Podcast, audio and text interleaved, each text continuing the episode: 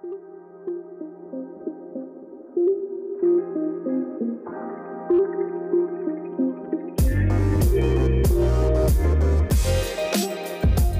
velkommen til 99% norsk.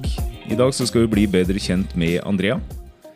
Andrea ble født i Costa Rica i 1983 og kom til Norge som seksåring sammen med sine to yngre søsken. Hun har vokst opp i Bærum på Høvik. I dag så er hun gift og har fire barn, og er bosatt på Nordstrand. Hun er utdannet jurist og jobber i offentlig sektor, og du sitter også i dag som styreleder i Adopsjonsforum. Men i dag så skal vi høre litt mer om din adopsjonshistorie. Først og fremst velkommen, Andrea. Tusen takk. Vi snakka litt om din historie her nå før vi satte i gang. Og vi ble jo alle litt emosjonelle. Mm. Så jeg tenker vi bare starter fra begynnelsen. Vet du noe om hvordan du var som liten? Mm, veldig mange barn i dag, altså de som ikke er adoptert, har jo ofte bilde eller video eller foreldre som kan fortelle om hvordan de var som små. Um, det jeg kanskje har, er eh, et brev eh, som mamma og pappa fikk eh, en uke før de kom og hentet oss tre på barnehjemmet. Og det brevet er skrevet fra en frivillig på barnehjemmet, hvor det står litt om hvordan jeg var som femåring. Og det står jo da blant annet at jeg var veldig tydelig klar over over hva som kommer til å hende. At jeg kommer til å få Eller at vi tre kommer til å få nye foreldre. Det står også i brevet at jeg var tydelig nervøs og bet negler rett før dagen hvor de skulle komme. Det står også annet at jeg alltid har vært glad i pene ting, og likte å gå i kjoler allerede da. Mm. Men, men, det er litt fint å vite at, at, ja, at du har et i hvert fall noe informasjon da, om hvordan du var som femåring. Mm. Husker no, du noe av det her selv? Ja, jeg gjør faktisk det. Altså, jeg husker Altså, det er mye er rett og slett følelser. Vi fikk jo også album av mamma og pappa som vi kunne se på. Jeg tror det var kanskje en måneds tid ja, før de kom ned. Det var veldig beskrevet på en måte hva vi kom til. Det var bilde av hus og hund og bil, og her er vi, og besteforeldre og jeg husker jeg var veldig, veldig stolt av det albumet, og jeg hadde det under hodeputen. Og eh, Ja, det Jeg er veldig klar at det ville bli min fremtid. Var det gode følelser? Nervøse eller spente eller såre? Jeg tror det var alt. Mm. For helt ærlig, det Jeg var jo veldig klar over hvorfor vi var på barnehjemmet. Jeg var jo eldst eh, og passet veldig godt på mine yngre søsken. Og så var det selvfølgelig forventninger. Det var eh, Jeg var nok veldig sjenert. Det ser man jo på videoen som vi har på det første møtet. Jeg er litt tilbaketrukken og sier ikke så mye og holder meg i bakgrunnen og er skeptisk. Um, så jeg tror, jeg tror det er alt. Mm. Mm. Jeg kan si det, det jeg beit meg veldig fast i da du forklarte om brevet, var at du kjente deg veldig igjen i hvordan du er som person i dag. Mm. På mange av de punktene. Hva var det, hva er det du følte på som, som stemmer så godt overens med den personen du er i dag? Um, nei, altså i det brevet så det som står beskrevet der, på mange måter er det vel spot on uh, på hvordan vi er i dag. Uh, uh, jeg er fortsatt klar over at jeg er eldst av søskenflokkene. Jeg vet fortsatt veldig godt hvordan jeg vil ha ting, og sette meg mål og jobbe for det. Ja. Du var jo med i Sporløs. Mm. Og hva er det du egentlig visste om din bakgrunnshistorie før du var med i det programmet? Mm, egentlig ikke så mye. Um, vi hadde navn på mor. Vi hadde navn på biologisk far. Uh, vi hadde også sted hvor jeg var oppvokst, og da var det nevnt en politistasjon eh, i den rapporten. Og det sto også i journalen blant annet at vi var blitt forlatt eh, i et hus uten mat og drikke eh, for en lengre periode. Og det var da derfor vi ble satt bort til internasjonal adopsjon. Var det noen som fant dere der? Jeg har fått vite da i ettertid at, eh, at det var en nabo som hadde ringt eh, barnevernet fordi hun hadde hørt eh, barnegråt. Jeg vil egentlig bare ta deg litt tilbake til si, til overflaten. altså sånn, vi, Før vi begynner å dykke veldig mye dypere i, i både adopsjonshistorien din og, og, og bakgrunnen din, hva, har du alltid hatt et iboende ønske om å oppsøke de biologiske slektningene eller eh, de biologiske foreldrene dine? Tilsynelatende et veldig enkelt spørsmål hvor man egentlig kan svare ja eller nei. Men jeg kan faktisk ikke det, fordi det har vært en prosess, en vel, for meg i hvert fall, en veldig lang prosess. Men jeg har nok hatt på en eller annen måte en veldig sånn bevissthet over den prosessen. Jeg har tatt det etter ut ifra alder og modenhet. Mm. Vi var der når jeg var elleve år, hele familien, Mm. på en ferietur. eh, Hvor jeg ble litt kjent med landet eh, og mat og kultur og musikk. Ikke noe mer enn det. Jeg dro tilbake igjen, eh, alene som 17-åring, eh, for å studere spansk på Universidad de Costa Rica. Som 17-åring så er det jo litt andre interesser som står i hodet på deg. Da var det musikk, og det var ut og Strender og det var strender og surfing og men, men jeg så jo hvor vakkert landet var. Og da allerede der, for det har jo en dagbok um, som jeg skrev i når jeg var der nede, og da ser jeg at uh, nysgjerrigheten er der. Og, og at jeg hadde faktisk et ønske om å møte min bestefar, som jeg husker som en veldig, veldig god person.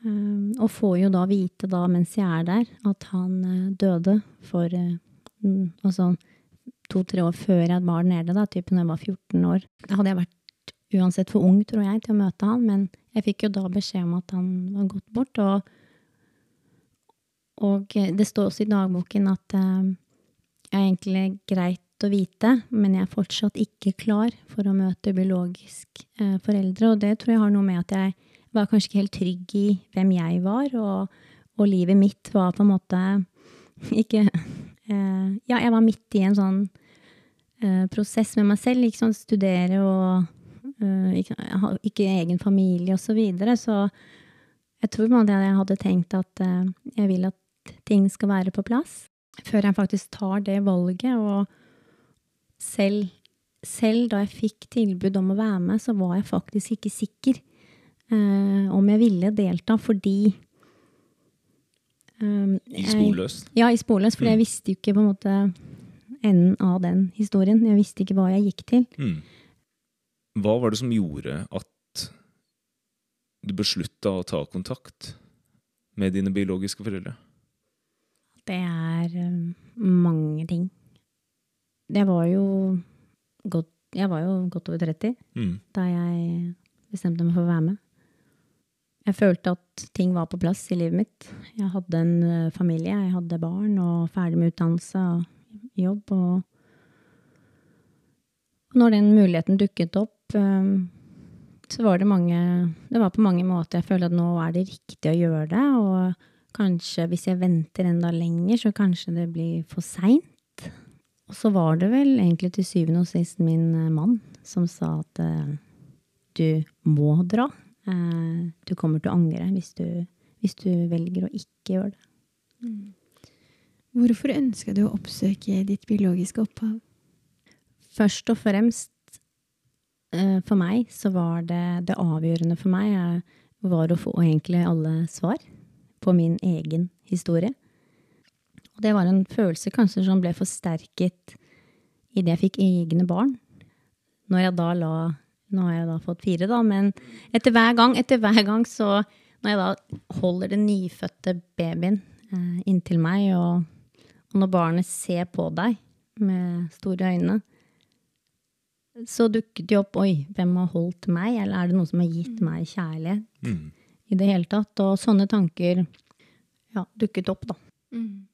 Man vet jo aldri hva man eh, møter i andre enden når man eh, oppsøker. Har du også gått gjennom de tankene om hva du ville møte, og hva tenkte du rundt det? Ja, vet du hva, jeg hadde en sånn liste for meg selv, hvor jeg skrev ned egentlig alt som jeg kunne tenke meg jeg kunne møte meg.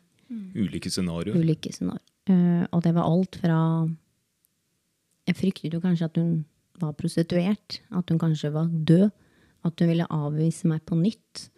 Jeg fryktet jo kanskje også at vi fikk vite at kanskje ikke vi var søsken likevel. For i papirene så står det at vi har samme mor og far. Uh, det er, det er så mye uh, som eh, Jeg kunne også vært seksuelt misbrukt. Du kunne vært Altså, det er så mye eh, som kan dukke opp. Og heldigvis så blir man jo testet psykologisk før man, man må gjennom en sånn test. Nettopp for å kartlegge om deltakeren er psykisk sterk eh, til å delta, fordi det som møter deg, kan være såpass sterkt. Men i og med at jeg hadde venta så lenge, så var den som gjorde testen på meg, var egentlig ikke i tvil. Hun sa jo da at du, du er klar til å reise. Du beslutter jo øh, å, å reise, reise til Costa Rica. Du har med deg et crew fra Sporløs, Eh, TV 2. TV 2. Mm. Jeg antar jo, og litt sånn som du har fortalt òg, så har du fått vite en del i dette programmet som, som du ikke visste på forhånd rundt ditt biologiske opphav. Kan ikke du fortelle litt om hvor, hvordan det gikk til, og hva, hva er det du veit i dag som du ikke visste? det, det var vanskelig for meg å ta faktisk avskjed fra barna mine. Eh, de var såpass små. Så følte jeg at jeg, nå skal jeg ta avskjed med mine barn for at jeg skal finne om min barndom. Eh, men samtidig så var jeg veldig fokusert på at det er syv intensive dager. Og de eh, som jeg venta på så lenge, så de skal jeg benytte meg av. Eh, Du drar jo med personer du ikke kjenner Mm. eh, på en så personlig og sensitiv reise, så jeg, jeg var litt sånn skeptisk til å begynne med. Men jeg må jo si at totalt sett så var det en utrolig fantastisk, men vanskelig reise. Eh, både på det psykologiske planet og det følelsesmessige planet. Vi kom jo ned sent, lander i San José, Blir møtt av eh, en eh, som skal hjelpe oss med å oversette, altså en tolk. Og så får du ikke vite så mye. Vi får bare vite at eh, vi begynner på barnehjemmet. Vi skal dra på det første barnehjemmet. Og der husker jeg egentlig ikke så mye. Jeg vet bare at det var et sånt akuttbarnehjem med over 100 barn. Mm. Som blir plassert, altså de blir plassert i forskjellige hus ut ifra alder. Eh, Men jeg nektet jo å bli splittet fra søster og bror, så jeg tviholdt dem i hendene. Det var sterkt, egentlig, det møtet der også. Bare stå utenfor det gittergjerdet og vite at her inne har du gått. Mm. Eh, Vi fikk ikke, vi fikk ikke komme inn, faktisk, på barnehjemmet. Eh, Det var stengt. Husker du da noe fra det? Ikke det barnehjemmet. Nei. Vi dro til, også til det neste barnehjemmet, Mm. eh, som jeg var på i rundt ett år. Og det, det er mindre barnehjem, hvor du skal tilpasse deg en sånn familiesituasjon. Der var vi bare ti barn. Um, så da dro vi dit. Det kom ikke på TV, grunn at vi skulle beskytte barna. Vi prøvde først å finne biologisk mor. Hun var vanskeligst å finne, eh, fordi eh, jeg fikk jo beskjed om at hun hadde flytta så mye rundt omkring i Costa Rica. Så hvert sted han etterforskeren hadde vært, så fikk du beskjed om at ja, ja, hun har vært der, men hun har flyttet. Så han hadde brukt nesten seks måneder på å faktisk eh, finne henne. Yes. Ja. Så når vi kom opp til denne sånn sukkerplantasje, som lå liksom helt, helt øde og forlatt, nederst i en sånn dal, og du ser tydelig at her, eh, her, er, her er det fattigdom som preger eh, bildet. Eh, Det er barn som løper rundt uten, nesten uten klær og sko.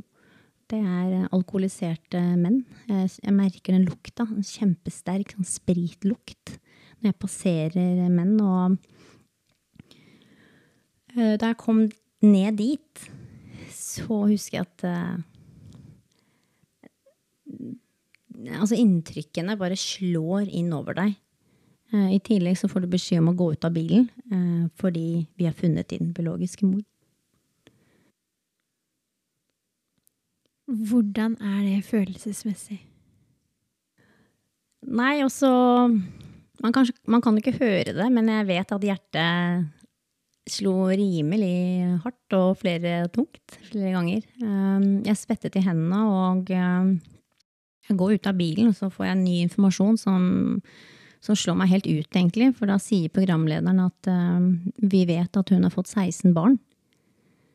Uh, og når han sier det, så, så får jeg jo helt Jeg får helt Hva skal jeg si, jeg tror nesten ikke det jeg hører. For der har jeg dratt hele veien for å prøve å finne henne, og så får du vite at du er en av 16 barn. Det var, det var liksom nesten sånn at jeg angret på at jeg dro der og da. Jeg ble, jeg, ble, jeg ble, helt sånn satt ut. Det var en av de tingene som jeg hadde ikke skrevet da, for på den lista mi. Jeg hadde mm. ikke tenkt at hun hadde fått 16 barn. Så får jeg også beskjed rett etterpå at tre er døde, så det er 13 igjen. Men så går det heldigvis ikke så lang tid, og jeg lar den informasjonen synke inn. Og så spør jo programlederen vil du fortsatt møte henne. Og da klarer jeg å samle meg sammen og si at uh, jeg har dratt hele den veien. Jeg skal søren meg møte henne. Mm. Uh, og det ble jo, som de som har sett uh, episoden, et veldig kaldt møte. Det ble et møte som jeg ikke hva skal jeg si, egentlig ikke ønsker å oppleve igjen. Hva skal jeg si Man ser at de har en sånn vegg foran meg. Eh, nettopp fordi jeg møter en kvinne som ser veldig sliten ut. Hun har to tenner i munnen. Hun, eh, man ser at hun har hatt et eh, vanskelig og tøft liv. Mm. Og hun gjenspeiler Hun viser egentlig ingen form for kjærlighet. Så det blir et veldig rart, veldig rart møte. Hvordan var møtet, egentlig? Altså, jeg gir henne en klem. Jeg gjør det. Men så får jeg beskjed fra kamerateamet kan du ikke gi klemmen en gang til, fordi jeg trenger den fra en annen vinkel. Og da sa jeg nei takk. Jeg ønsker ikke å gi henne en klem til. For det var, det var liksom den klemmen, og så trakk jeg meg litt tilbake, og eh, Altså, hun stiller ingen spørsmål om hvordan jeg har det i dag, eller Men selvfølgelig, jeg må jo tenke at det er vanskelig for henne òg. Eh, men det med følelser og kjærlighet, det er, det på en måte Det bare kjenner du på Det kroppen. kjenner man, ikke sant? Det ser man. Og mm. det sier jo litt, altså. Jeg hadde jo hele tiden de opplysningene i bakhodet hvor mange barn hun har fått, og at hun har forlatt alle. Hun har ikke, altså hun har ikke kontakt med ett eneste barn av dem, så det ligger i bakhodet. Og, og plutselig så merker jeg at eh, jeg tar på meg nesten voksenrollen det har egentlig vært er det jeg som begynner å stille de spørsmålene mm. som jeg har tenkt på i så mange år. Uh, og jeg merket med meg selv at dette er én sjanse. Jeg kommer til å møte henne igjen. Jeg kommer aldri til å se henne igjen. Jeg bare merket det på meg, så nå må jeg bare uh, stille de spørsmålene jeg ønsker. Og jeg ble litt konfronterende òg, faktisk. Jeg, jeg, spurte henne rett og slett hvorfor har du fått så mange barn? Uh, når du ikke klarte å ta hånd om dine tre første, mm. for vi var hennes tre første, så sier jo hun at uh, jeg har egentlig ikke noe god unnskyldning på det, men det er uh, fattigdom, og at jeg ikke visste bedre. Så på en måte, ja, det er et svar, men uh, det hun ga meg mest, da, det hun ga meg mest, det var når jeg spurte henne. Jeg ville ha hennes personlige mening.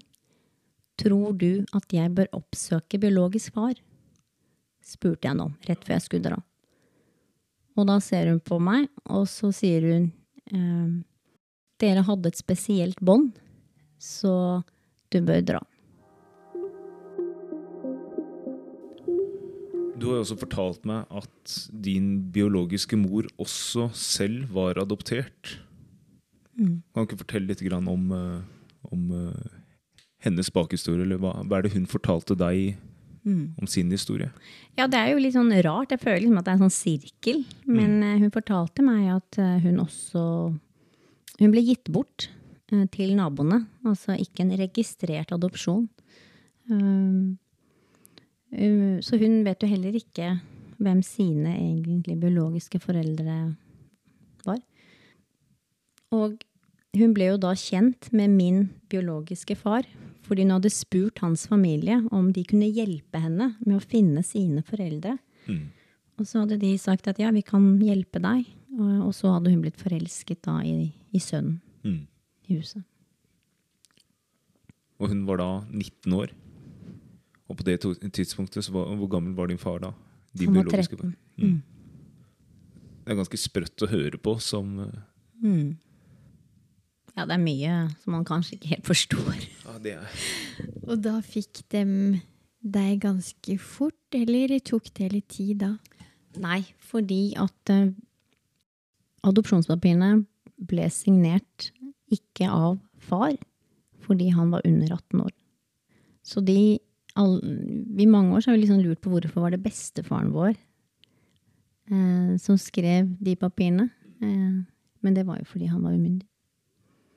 Er det noen andre ting du fikk svar på fra din biologiske mor? Jeg spurte henne om hun var lykkelig. Og da sa hun ja.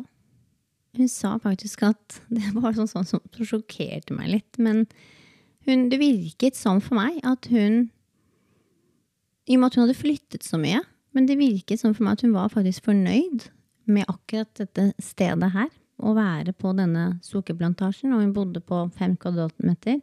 Hadde en eller annen samboer eller kjæreste som også var på denne sukkerplantasjen, og hadde sin beste venninne som også var der. Og, og det var egentlig godt å vite, kanskje for meg, for jeg visste jo at dette er, er siste gangen jeg ser henne. Og jeg fikk gitt eh, gaven min. Jeg hadde kjøpt et sånn gullhjerte hvor jeg hadde skravert inn Johanna, som var liksom det navnet hun ga meg. Og, og det å kunne dra derifra og vite at hun eh, Ja, kanskje hun ikke Hva skal jeg si, egentlig ikke brydde seg Eller i hvert fall ikke viste det, da. Men så visste jeg i hvert fall da at eh, når jeg dro derfra, at hun på sin måte var lykkelig der, da. Mm. fin trøst oppi det hele, da, egentlig. Absolutt. Og så var det da å stålsette seg da, for neste topp. Ja. Det var da å oppsøke biologisk far. Men etter det møtet så var jeg helt utslitt. Jeg var helt tømt, faktisk, for, for følelser og alt. Hvordan reagerte kroppen din etterpå? Jeg tror ingen kan sette seg inn i det, for å være helt ærlig. For du får vite opplysninger om livet ditt som, som du ikke har har visst om i ganske sånn godt voksen alder. Det er inntrykk som er så sterke. Og når kvelden kom da, så Ja, jeg har vel aldri grått så mye i løpet av en uke. Det må jeg ærlig si. Jeg har grått tre til fire timer hver dag. Og det er, ja, det er godt å få svar, egentlig. Det er veldig godt å få svar, men, eh, men det, er, det er beintøft òg. Det må jeg si. Mm. Altså bare, bare etter et så tøft møte, og hva er det som går gjennom huet ditt, og hvordan, hvordan er det du forbereder deg på et nytt sånt møte uten å helt vite hva som står bak den døra du åpner, på en måte? Det hjalp jo at jeg var ganske sånn klar på hvorfor jeg var der nede. Eh, Det var på en måte bare å stålsette seg. Nå er det møtet ferdig. Eh, Prøve å lukke den døra, og så fortsette, rett og slett. Jeg bare spørre, var, var du fast bestemt på det tidspunktet på at du ikke kom til å ville møte din biologiske mor igjen? Mm. Jeg, jeg bare merket det når jeg var der nede, at uh, Dette er siste gang jeg ser hun. korrekt. Men historien ender jo ikke der. Du, du, du drar jo heldigvis og prøver å oppsøke din biologiske far. Mm. Um, hva skjer videre? Det litt spesielle her er at det møtet der hadde jeg ingen forventninger til. Jeg hadde på en måte ikke tenkt så mye på det møtet der. Det var litt fordi jeg ikke husker han så godt.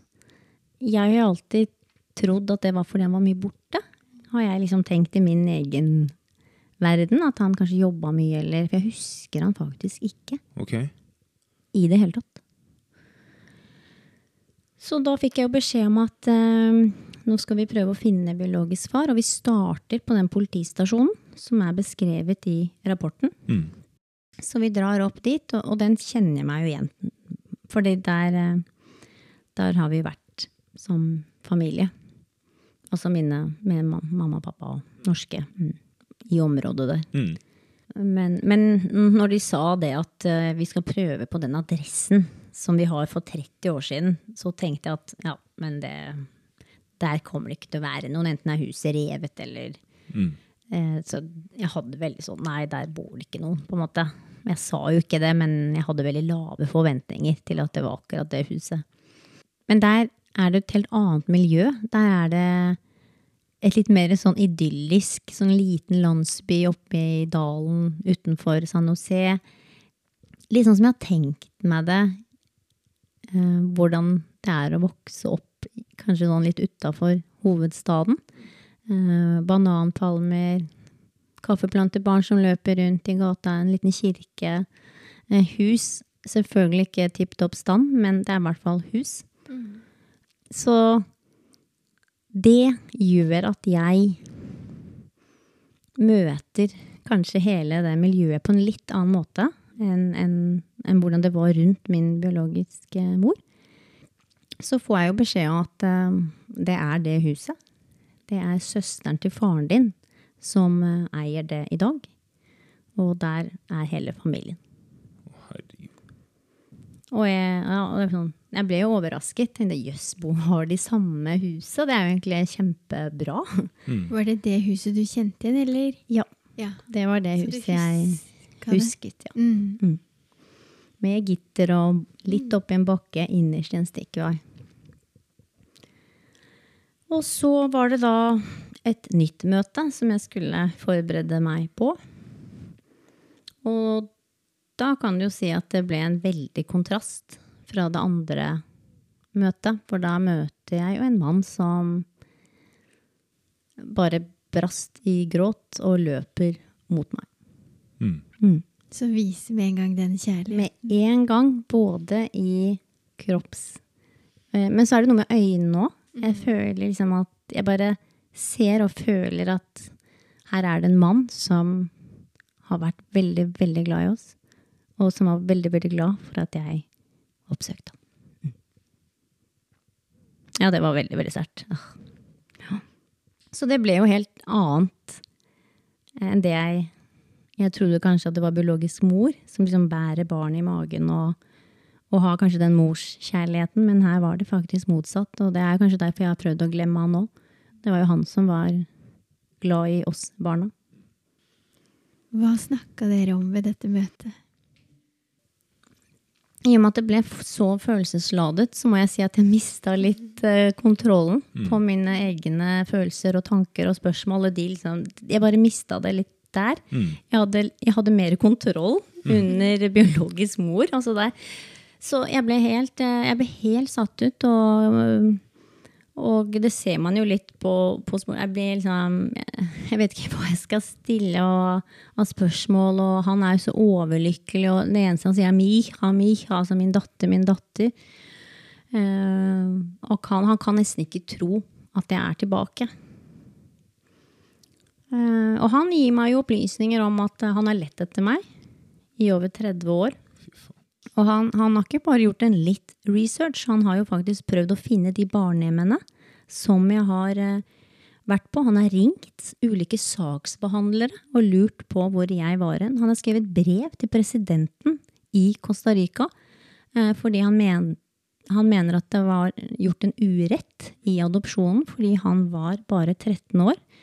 Eh, Og at, og at han skulle gjerne hatt litt mer å si i adopsjonen, selv om han bare var 13. Så han har jo virkelig prøvd, da, eh, å finne oss. Mm. Jeg bare spør, hva, hva, er det som, hva er det som går gjennom huet ditt når du hører dette her? At han har gjort alt i sin makt for å, for å finne dere?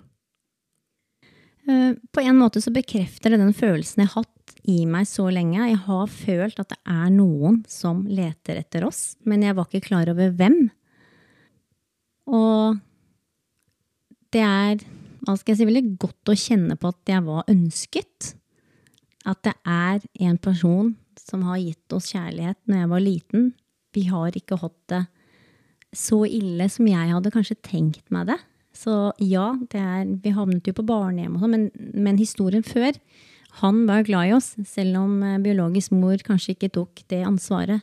Så var det en person som, eh, um, som brydde seg, og, og det, det tar jeg med videre. Mm.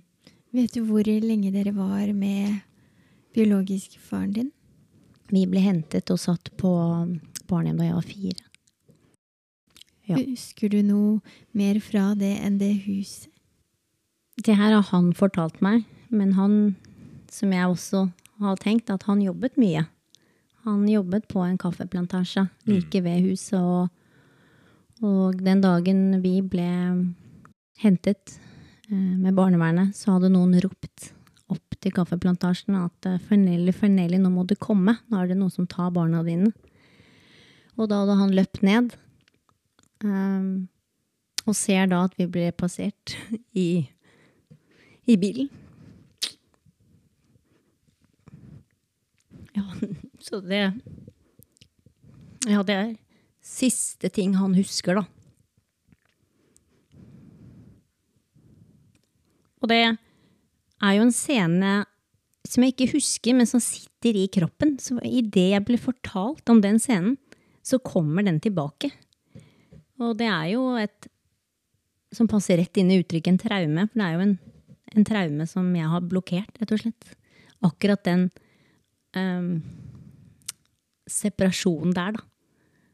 Um, så det var på mange måter veldig Hva skal jeg si Godt å få den scenen beskrevet for meg, fordi da ble historien veldig sann for meg, og det, og det, er sånn den var, ja.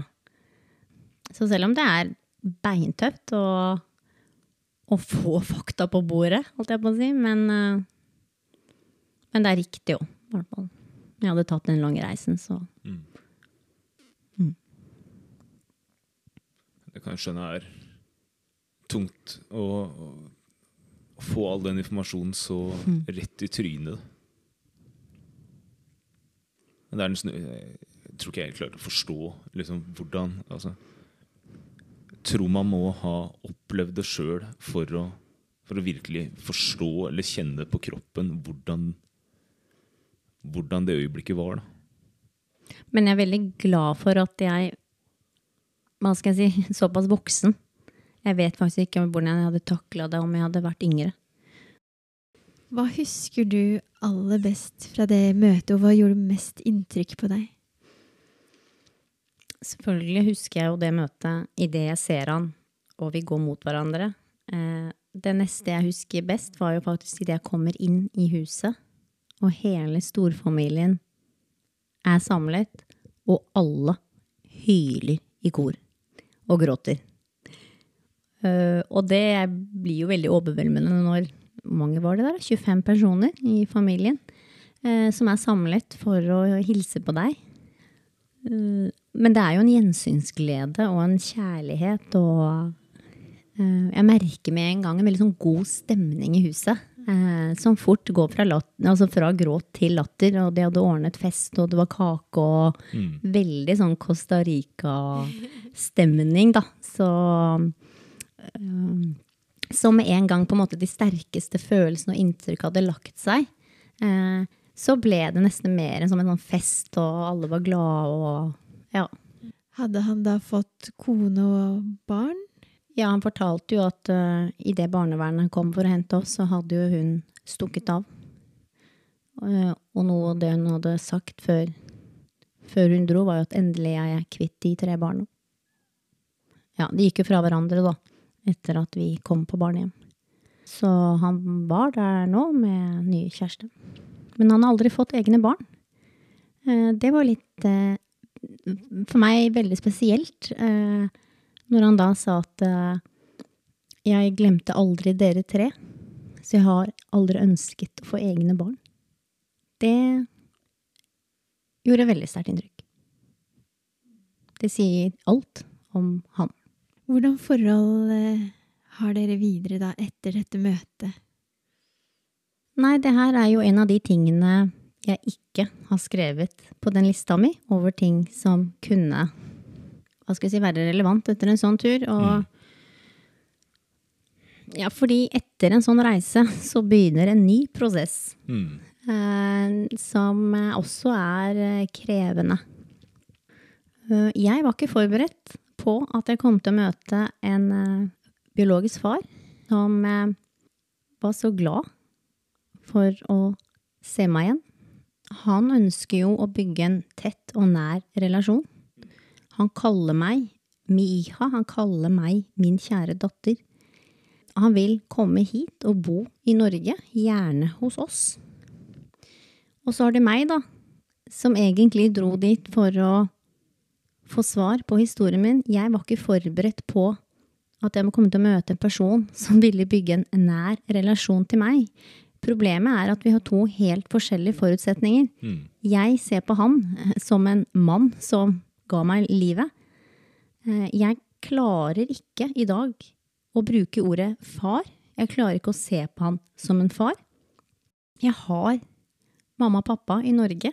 Det er de som har gitt meg kjærlighet. Det er de som har oppdratt meg. Det er de som har holdt konfirmasjonstalen. Og det er pappa som har ført meg opp kirkegulvet. Eh, Det er foreldre for meg. Eh, Så det er, det er vanskelig, for til tider så føler jeg meg litt sånn egoistisk eh, på at jeg klarer ikke å gi han det han trenger. Jeg ønsker ikke at han skal flytte til Norge. Jeg, jeg kan ikke se at han han har tilbudt seg å male hus og gjøre husarbeid og sånn for oss. Eh, Det er ikke helt aktuelt for oss. Og jeg, jeg syns jo også på mange måter synd på han. Og i begynnelsen så ble det veldig intensivt. Han kunne ringe meg sånn tolv ganger i løpet av dagen. Eh, Og, og jeg måtte bare legge på, for det passet jo ikke hver gang å snakke med han. Og noen ganger gråt han. Eh, Han kunne sende et bilde hvor han liksom var lei seg, eller Så det ble jo vanskelig. Og, og så har du språket, som gjør det også vanskelig å kommunisere. Det er jo begrenset på hvor mye du kan bare si olla, olla, og liksom at det går bra. Como estas? Eh, um, Så jobber fortsatt altså med å Hva skal jeg si? Ikke Jeg vil jo på en måte ikke skyve han fra meg heller. Jeg føler ikke at jeg har noe rett til det, for det er faktisk jeg som valgte å oppsøke han. Eh, Men jeg prøvde å forstå, eller jeg prøvde å si til han at han må forstå at jeg trenger litt tid. Og jeg er faktisk ikke sikker på om jeg ønsker å bygge den relasjonen han ønsker. Mm. Og at han må være glad fordi at vi faktisk har funnet tilbake til hverandre. Og at han vet i dag at vi tre har det bra. Det er det jeg prøver måte å si til han. Og rett før jeg kom hit i dag, så, så skrev han jo faktisk at 'jeg ser at du er lykkelig'. Og da, da blir jeg glad. Sånne meldinger blir jeg glad for. Mm. Mm. At han klarer å se det. Tror du noen gang du kommer til å få det forholdet til en som han ønsker? På et eller annet tidspunkt i livet? Nei, vet du hva. Hvis ikke det er kommet nå, så tror jeg ikke det vil komme. Og jeg tror det er veldig sammensatt. Jeg har alltid, alltid etter at liksom at mamma og pappa møtte oss utenfor barnehjemmet, så jeg har alltid tenkt at det er min nye mamma og pappa. Mm. Um, og selvfølgelig så har vi hatt våre ting opp gjennom tenårene osv., men jeg ser, altså, det er jo de som er mamma og pappa. Så jeg har liksom ikke Jeg har faktisk ikke et behov for en ny pappa. Ikke ny, men det er vanskelig å beskrive. Altså. Mm, det er det. Det er komplisert. Ja. Men det er jo noen år siden du var med på Sporløs nå. Mm. Ville du gjort det igjen? Svaret er ganske enkelt. Det er ja. Og det er nettopp fordi hensikten med turen min var så tydelig. Jeg, jeg, det var jo å finne svar, og det fikk jeg til de grader. Men som sagt, jeg var ikke forberedt på eh, prosessen etterpå. Når du kom til Norge, Mm. var det noen ting som du syns var vanskelig her i forhold til adopsjonsprosessen? Det å komme til et nytt land, nytt språk, ny kultur. Ja, altså Jeg ble jo seks år da jeg kom hit i Norge, og um, det første er jo språket. Um, jeg snakket jo flytende spansk. Mm. Um, og da var det å begynne å lære seg norsk, da. Mamma er jo norsklærer i tillegg, så da ble det jo både lekser til enhver tid Grammatikken og satt ganske tidlig. Verbøying til frokost, adjektiv til, til lunsj. Ja, det var nesten sånn. Så det, jeg, altså jeg husker at det var en ganske sånn tidlig fokus på at eh, ikke sant, norsk Og det var litt eh, egendrevet også, at jeg ville ikke ligge etter de andre i språket. Jeg ville lære meg norsk. Så det, det var liksom iboende. Jeg ville det selv. Det var sterkt ønske fra meg også. Um, så hadde vi jo litt sånn uh, Hva skal jeg si? I lek kunne jeg slite litt, fordi det var flere grunner. Jeg hadde jo ikke lekt så mye uh, på barnehjemmet. For jeg var jo på en måte den modne. Jeg skulle liksom ta vare på mine søsken. Eh, så jeg fikk jo beskjed om at jeg ikke skulle bestemme så mye, Altså du skulle være et barn. Og, Mm. og så var det litt det med mat. At uh, jeg hadde gjemt mye mat på barnehjemmet. En av de damene som vi møtte igjen under Sporløs, sa jo det at, eh, at hun husket meg Uh, fordi jeg hadde gjemt så mye mat i skuffen under senga mi. Um, men de hadde aldri sett meg spise den. Det var eh, at jeg hadde gitt til mine søsken. Og når jeg kom hjem også, i Norge, så var jeg veldig sånn fokusert på om vi hadde nok mat, og jeg måtte inn i kjøleskapet hele tiden og se. Og, så da måtte de si til meg flere ganger at vi skal passe på at det er nok mat her. Um, ja, og så kommer du ja, på barneskolen. Du er jo ganske beskytta der. Iallfall i det lille miljøet på Høvik. Ja. Vokser jo opp, og alle Vi er veldig åpne om adopsjon. Altså, jeg er adoptert, og det vet jeg hele tiden. Det var ikke noe hva skal jeg si, hemmelighet. Vi snakket ikke så mye om det, egentlig. Det var bare at jeg var adoptert. Um, men det er kanskje på barneskolen du gjør deg litt tanker. Plutselig kan du få en kommentar om at ja, du er jo brunost fordi jeg hadde litt mørkere hud. Og Mm. det er da liksom de første Mm. du blir gjort oppmerksom på. Ja, ja, ja. Mm. Det tror jeg vi alle, altså, alle rundt bordet her har jo kjent på. Ja. At man ser annerledes ut i forhold til majoriteten av de du går i klasse med. da. Føler du at du har hatt noen utfordringer i forhold til det å tilknytte nye relasjoner eller det å møte nye mennesker? Ja, jeg tror at historien min, eh, og det på en måte jeg har opplevd, eh, preger meg på en eller annen måte i forhold til ja, relasjoner osv. Jeg er kanskje mer skeptisk med en gang til mennesker. Um, og jeg blir altså, ekst, ekstrem følsom uh, når det gjelder Hvis det blir brudd på en eller annen relasjon, la oss si det er en venn eller, eh, som velger plutselig å ikke være venn med deg, eller, en, eller et brudd i et forhold, så så går det veldig, veldig inn på meg. Mm. Mm. Du, jeg må si det, det for det har jeg begynt å, jeg begynt å tenke på sjøl òg. At jeg har aldri følt på noen sånne tilknytningsproblemer opp igjennom i min egen oppvekst. Men jeg er veldig opptatt av å bli likt av andre mennesker. Og veldig opptatt av å ikke bli mislikt. Det er kanskje enda sterkere, akkurat den følelsen. Å ikke bli mislikt. Og det, jeg syns det er vanskelig å forklare hvorfor. For, ja, for meg så har det vært mer den eh, Prøvd å teste. Teste mamma og pappa Mm. og broren min mye gjennom barndommen. Mm. Med eh, hvordan ting skulle gjøres, og hvis det ikke ble akkurat sånn, så så hadde jeg problemer med det og blei sint istedenfor. Og var egentlig lei meg, men det ble heller sinne, da. Mm. Og hatt veldig mange sånne episoder da jeg var yngre.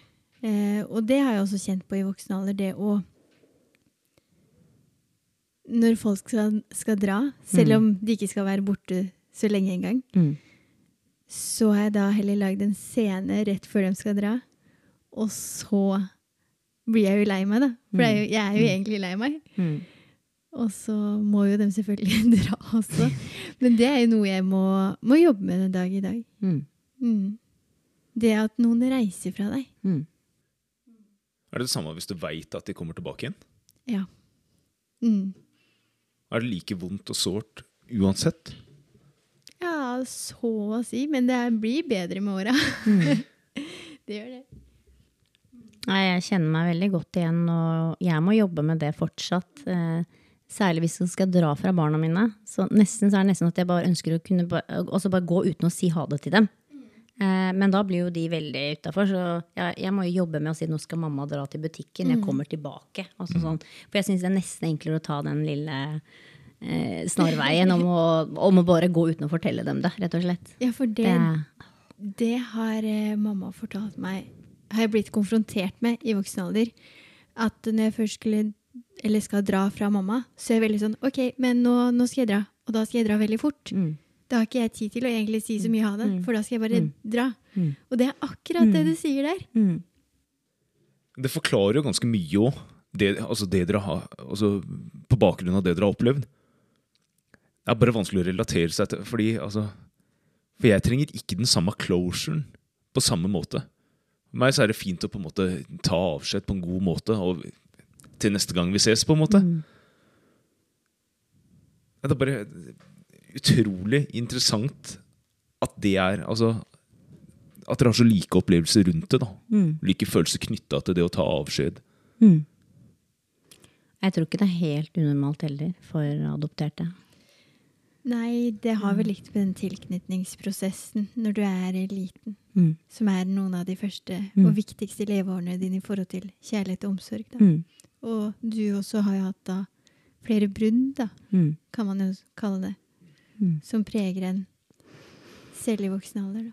Absolutt. Og jeg kjenner meg veldig igjen i det du sier det med å teste foreldrene. Mm. Du kan jo godt si at eh, det ble mye testing i tenår, tenårene. Og i forhold til det nettopp det at hvor glad er de i meg? Ja.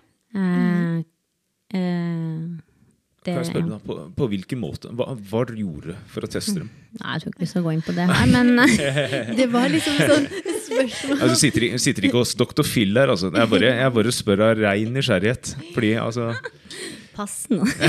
ja, pass. Men det er egentlig det derre teste for Blir de i dag? Blir de den gangen her? Ja. Kommer de tilbake? Ja.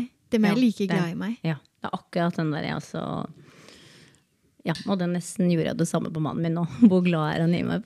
For å sjekke om han klarer å holde ut. Nei da. Er det sånn det er? Det er ikke rart jeg er singel, tenker jeg da. Nei. Har du lyst til å dra tilbake til Costa Rica? Mm, Ja, det har jeg. Og da har jeg lyst til å ta med hele familien. Altså mann og fire barn. Mm. Det er så fint land, så jeg har lyst til det. Mm. Og neste er eh, Føler du deg 100% norsk? Mm, nei.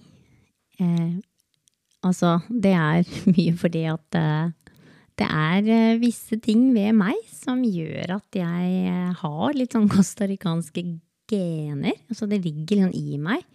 Um, jeg er veldig utadvendt, jeg liker å danse, jeg liker å flørte. Jeg eh, heier eksempel på Costa Rica hvis de spiller fotball. Um, jeg, men ja, jeg har bunad og jeg er kjempeglad i å gå på ski og, og går gjerne med Marius-genser og alt det der, men det er noe med at eh, jeg, jeg er født i Costa Rica, og derfor syns jeg at tittelen på podkasten er så bra, fordi jeg føler meg jo 99% norsk. Jeg syns det, er Nice. det er ganske treffende. Der sitter vi i samme båt hele. Det er godt å, er godt å høre. Rett og slett. Altså. Ja. Men skal sies jeg er veldig stolt av den ene prosenten da, eh, som er fra Costa Rica. Jeg føler at det, det er en del av meg og min historie. Mm. Hva slags forhold har du til utenlandsadopsjon i dag? Sjøl? Mm. Um, jeg har jo vært tilbake til det barnehjemmet Mm. eh, hvor jeg selv bodde på, og jeg har sett med egne øyne at det er barn eh, som ikke har foreldre. Eh, det er eh, foreldre som av en eller annen grunn ikke har muligheten til å ta vare på barna sine. Um, og jeg tenker jo da at adopsjon er en fantastisk fin mulighet til at barna får Hva skal jeg si? En ny mulighet, da. Og en ny familie. Mm. Og jeg hadde jo ikke sittet i dag som styreleder i Adopsjonsforum hvis jeg ikke var for adopsjon. Mm. Um, ja. Jeg tror vi lar det være siste ord. Og så sier jeg tusen hjertelig takk for at du hadde lyst til å komme på podkasten og dele din historie, Andrea. Mm, takk til dere begge. Det har vært en fin opplevelse.